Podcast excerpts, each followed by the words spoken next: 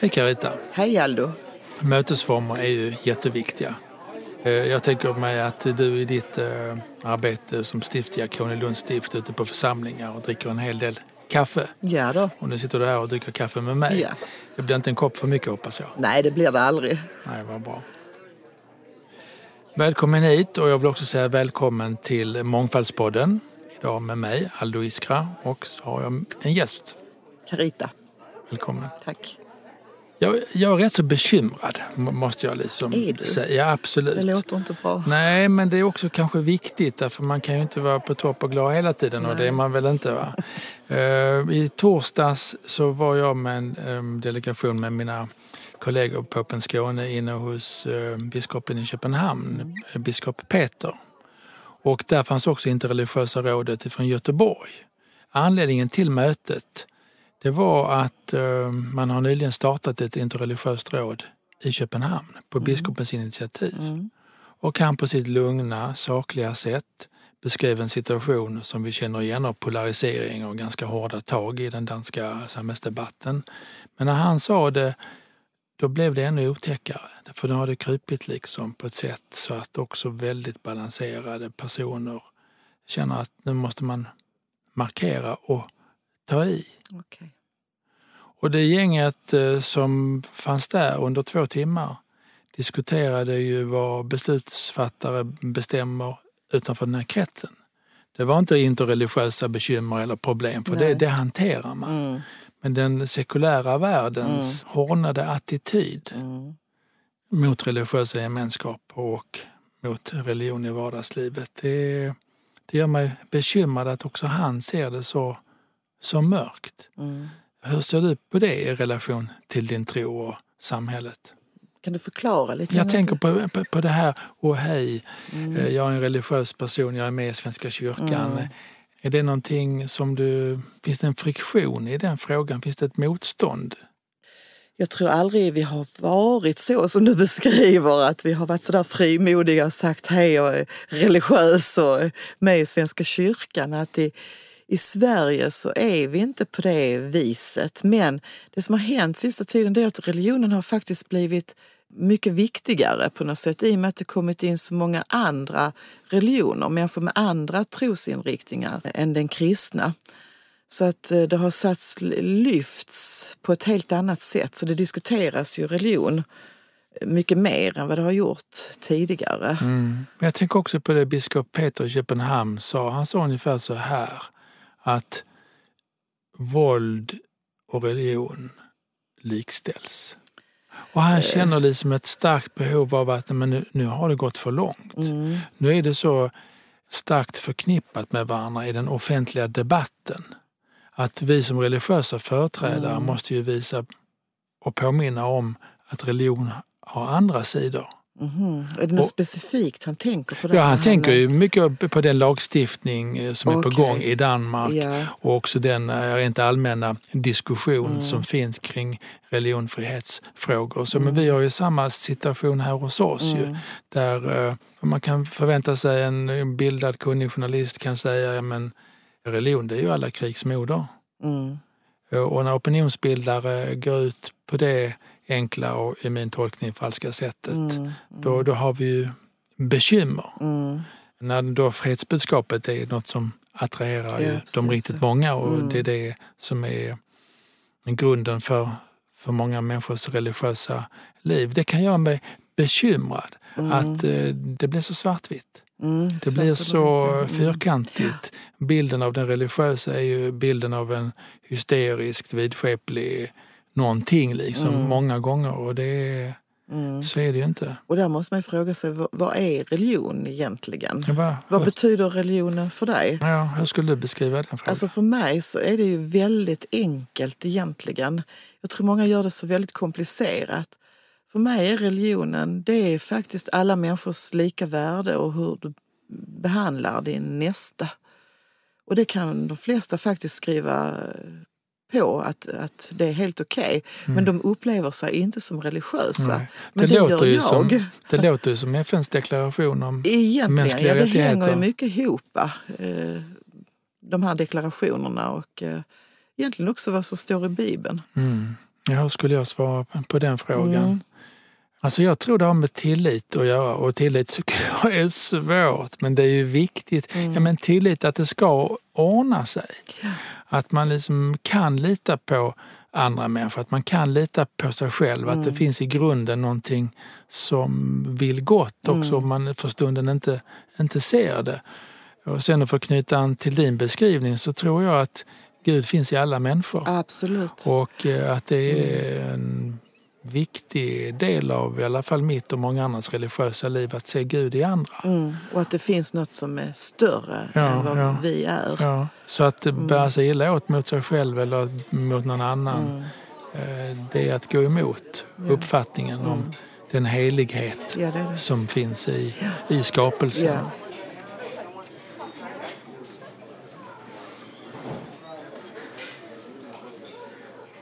Idag känner jag många gånger att det är liksom två olika saker det handlar om. Dels det vi pratade om i förra programmet, det här tillfredsställande att kunna hjälpa den enskilde, man är glad och det bär mycket. Men sen finns det också en ilska i, i, i det andra när det inte fungerar som man har tänkt sig. Som, det som kan göra mig riktigt förbannad är ju det här med fördomarna som har eh, kommit mycket i samhället idag. Det kan få mig till att gå igång. Kan du känna igen det Aldo? Eller du har någonting annat som, som gör dig arg? Nej, men jag blir nog arg på motsvarande sätt. Det med fördomar och oviljan att se nyanser eller oviljan att ta reda på hur saker ligger till. Eller det där avfärdandet av att ja, men det är klart, den är ju från Balkan och någon typ av liksom kriminalitet finns mm. där ju. Eller, men det är mycket fördomar Det är mycket fördomar, men, men kanske till och med ännu värre än det. Utan man vill inte ändra på uppfattningen. Därför att det skulle kräva så mycket av personlig mm. utveckling så den vill man inte ha. Va? Och den har blivit mer okej okay idag och det kan ja. göra mig också ja. förbannad. Ja. För att det är fler som kan uttrycka mm. de här åsikterna som du beskriver. Så mm. man får medhåll av sin omgivning. Ja, det är rasistiskt men mm. i grunden vill jag inte ändra på det. Det som är lite skrämmande är ju också att de rasistiska partierna har ju fått medvind i det här. Ja. Så att de går ju framåt. Ja. Jag som stiftsdiakon, jag åker ju runt i församlingar och ja. jag möter ofta det här mm. där församlingen säger till mig att vi möter så mycket främlingsfientlighet mm. här och det är nog bara här hos oss. Mm. Och då så säger alla på det viset och där märker jag att det är utbrett det, det här ja, det är i samhället och idag. Det, ja. det är säkert växande. Ja. Men det som kan göra mig extra upprörd i den delen det är också att jag tycker det på något sätt är klassrelaterat. Jag menar när den arbetslös eh, säger något eh, otrevligt om invandrare så är det ju inte bra. Mm. Eh, men jag kan någonstans förstå personens frustration liksom över att mm. inte lyckas mm. påverka sin egen framtid. Ja. Men där den välsituerade liksom vid en småbåtshamn dricker lite i ett champagnemingel och uttrycker samma sak. Det, det tycker jag är väldigt, väldigt ja. provocerande. Ja, det är det. Och, där, och det är ju där någonstans någonting har hänt. Ja, det har hänt eh, mycket. Eh, när övre medelklass uttalar rasistiska synpunkter mm. och det är ju de människorna som sitter på makten. Ja, och de vill inte förändring därför det var jättebra med solidaritet så länge den inte kom till deras eget eh, sociala Precis. sammanhang. Eh, där känner jag, där Carita, där kan jag bli mångordig. Och där kan kaffet ja. liksom ja, kallnarva därför att där är ju jag vet inte vilka ord jag ska ta till. Nej. För jag känner liksom... Och det är en fattigdom där kan jag tycka okay. ibland när jag möter de människorna. Ja. De är fattiga. Som inte, fattiga på vad då? På, på inte kunna ta till sig mångfalden. Som är, ja. kan också vara så berikande att man är så låst i sin eh, uppfattning av hur samhället ska vara. Och det gör de jättetråkiga som människor ja, ska jag vilja ja, drämma till med. Ja. Och man möter dem i mest förvånande sammanhang, precis som du beskriver, mm. där man minst förväntar sig det. Idag så kan det komma de här fördomarna. Och det är en stor utmaning för oss som, som kyrka också, hur mm. vi jobbar med de här frågorna. För det tangerar det, ju, det vi står för, det är ju alla människors lika värde, ja. det är hela vår grund. Mm. Ja. Så vi kan ju aldrig acceptera de här inställningarna. Och i det politiska spelet som eh, är ett spel och, och ska också analyseras på ett sådant sätt. Och ibland kan det ju spelas fram någonting positivt och ibland någonting negativt. Men det här att det är klassrelaterat och då pekar man på några arbetslösa eh, yngre män i Östra Göinge eller var de nu är, är någonstans och gör stor fråga av det. Det är en stor fråga men det är ju rätt mycket allvarligare. Absolut. När det är människor som sitter på ekonomisk och politisk och medial Ja, makt precis. och med ett lite finare språk Precis. säger samma sak. Ja, Men lyckas få hela eh, bilden att fyllas Ja. av, av, av några drogpåverkade, vad vet jag, Ja. någonstans. Ja. Och det är också mycket där som jag ser det här med den starkt negativa bilden av muslimer. Att den är så fördomsfull, den är så falsk.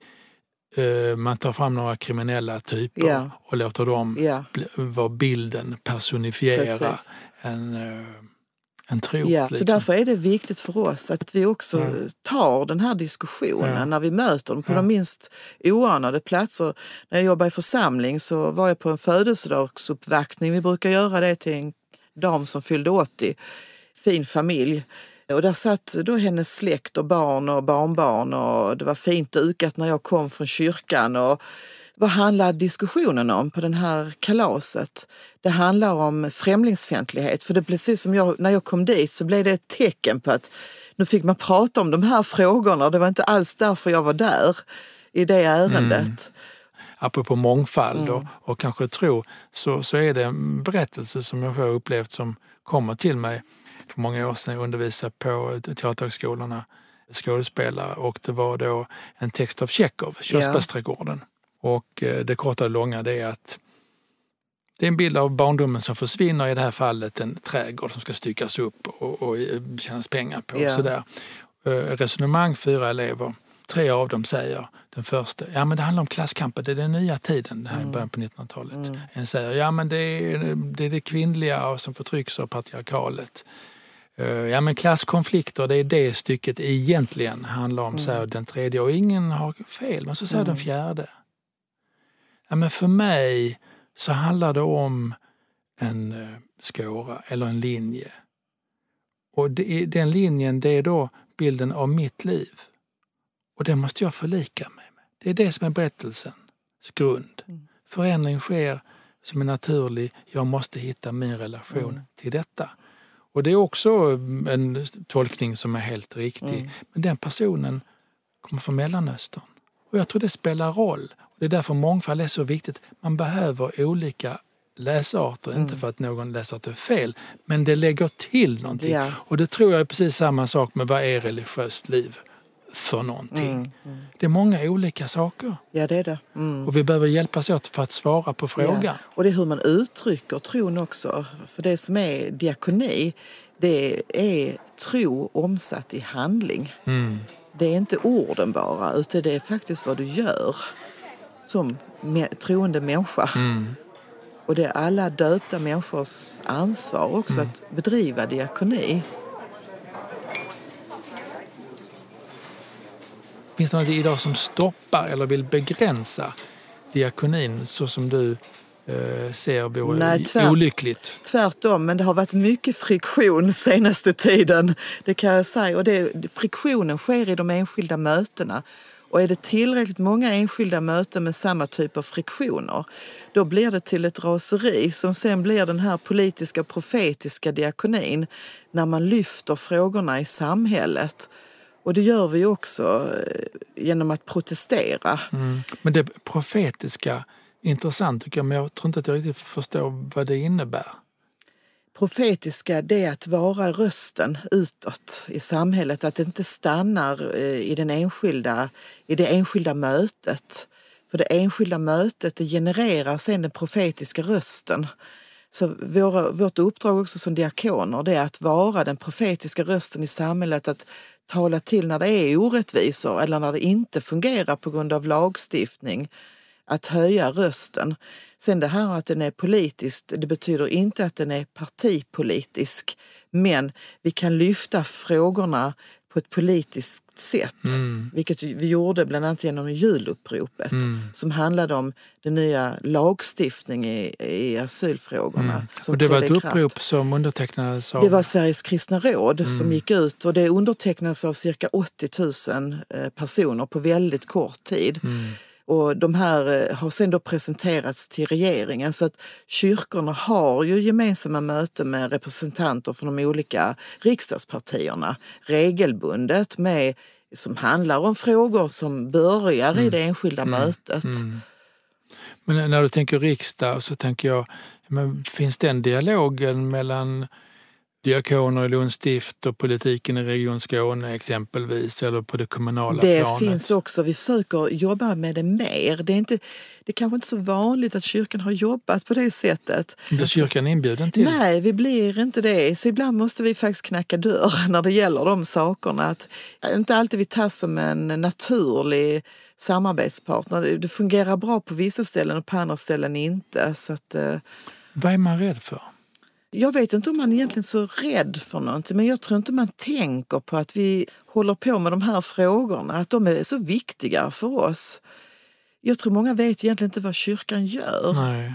Det betyder att de vet heller inte vad det diakonala arbetet Nej, det är är jättevanligt att folk inte vet vad det diakonala arbetet är för ofta är det lite osynligt. Mm. Möter människor i nöd, vi har sekretess och vi har tystnadsplikt och detta.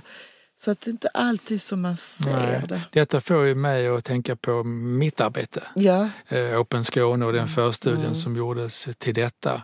I den rapporten så gjordes också en studie av det diakonala sociala arbetet i Svenska kyrkan i Malmö. Och de här siffrorna fanns ju inte presenterade på det sättet innan. Men det gjorde intryck på politiken och på media. Så den diskuterades både på kommunalrådsavdelningen i, i Malmö och jag tror också socialdepartementet Stockholm. Och det stryker under det du säger Carita, att man häpnar inför siffrorna, Ja. inför nödens storlek, Precis. kvantifierad i antal matkassar, Ja. babykläder och vad det nu kan vara för Mm. någonting. Och då känns det ju som om men det här måste vi gång efter annan påminnas om. Va? det måste vi upprepa hela tiden. För det kommer nya tider, nya människor, nya politiker. Mm. Så det här måste man hålla levande. Och jag tror att man håller levande på många olika sätt men ett är ju också berättelser. Det är berättelserna, ja. ja. Vad är fattigdom? Mm. Och den frågan måste man försöka besvara. Hur gestaltar den sig? Mm. För väldigt många, alla, så är det ju en smärtsam Mm. berättelse man vill helst inte kanske röra vid den. Men den finns ju så otroligt nära oss. Och då kommer den här berättelsen till mig om kvinnan som slog ut en tand. Hon var kanske 35. Eh, Men hon hade ju inte pengar att gå till tandläkaren. Hon ville inte gå ut och visa sig liksom med den gluggen i tandraden.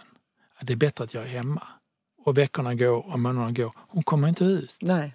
Så den fattigdomen den kan ju ställa till något otroligt. Mycket. Och den fattigdomen du beskriver, Ja. den har redan funnits under väldigt lång tid. Den fanns redan i Malmö när jag jobbade ute i Fosie. Tandvård var en klassfråga. Mm. Alltså, och jag mötte en kvinna som hade tappat sin tand. Och hon hade inte heller råd att gå till tandläkaren men hon fick köpa, det finns tandklister på apoteket. Mm. Det var billigt så hon fick klistra Mm. tanden Ja, på plats. Ja. Men det som om För att kunna gå ut, Ja. precis som du beskriver. Och det som om vi inte vill se de här klasskillnaderna. Och då känner jag som en kristen person Mm. att det är det vi måste påminnas om. Mm, Eh, Och i det påminnandet så finns det också ett hopp. mm, precis. Men jag tror många... Men, att, men avskärmandet, Precis. människor har inte ansvar för varandra. Nej. Människor ska inte vara beroende av varandra utan isolerade öar. Det går emot hela Ja. fundamentet i Ja. flera religioners som eh, tankevärld. Precis, och, och idag i samhället så är det ju redan så att vi är väldigt segregerade. Se Malmö som exempel. Olika bostadsområden, det är som olika världar som inte möts. Vi möts inte. Jag har själv Nej. berättat eh, för vänner hur, hur det kan vara på olika ställen och och de tror inte det, att det är Malmö. Nej. Att det är på det här sättet. Nej. Men jag tänker liksom på att eh, varje människa är ju en egen värld. Man vet ju inte alltid allt om sin granne. Nej. Men eh, Men man måste hälsa i alla fall. men jag tror det är viktigt med mötena. Ja, att precis. skapa ja. mötesplatser. Mm. Och de mötesplatserna kan se olika ut och det vet jag att ni gör i Open Skåne och vi gör i alla våra församlingar har vi massa olika mötesplatser. Mm. Att uppmana folk att, att träffas behöver inte vara på våra mötesplatser men att mötas. Ja. Som vi gör nu, Ja, Ja, precis. i ett samtal. Ja, Jag vill tacka dig Carita tack så mycket. och eh, jag vill också tacka eh, lyssnarna och hälsa också välkomna till eh, nästa Mångfaldspodd. Tack så mycket. Tack. Du har hört Mångfaldspodden. Dagens avsnitt gjordes av Open Skåne och spelades in på Umami Produktion i Malmö.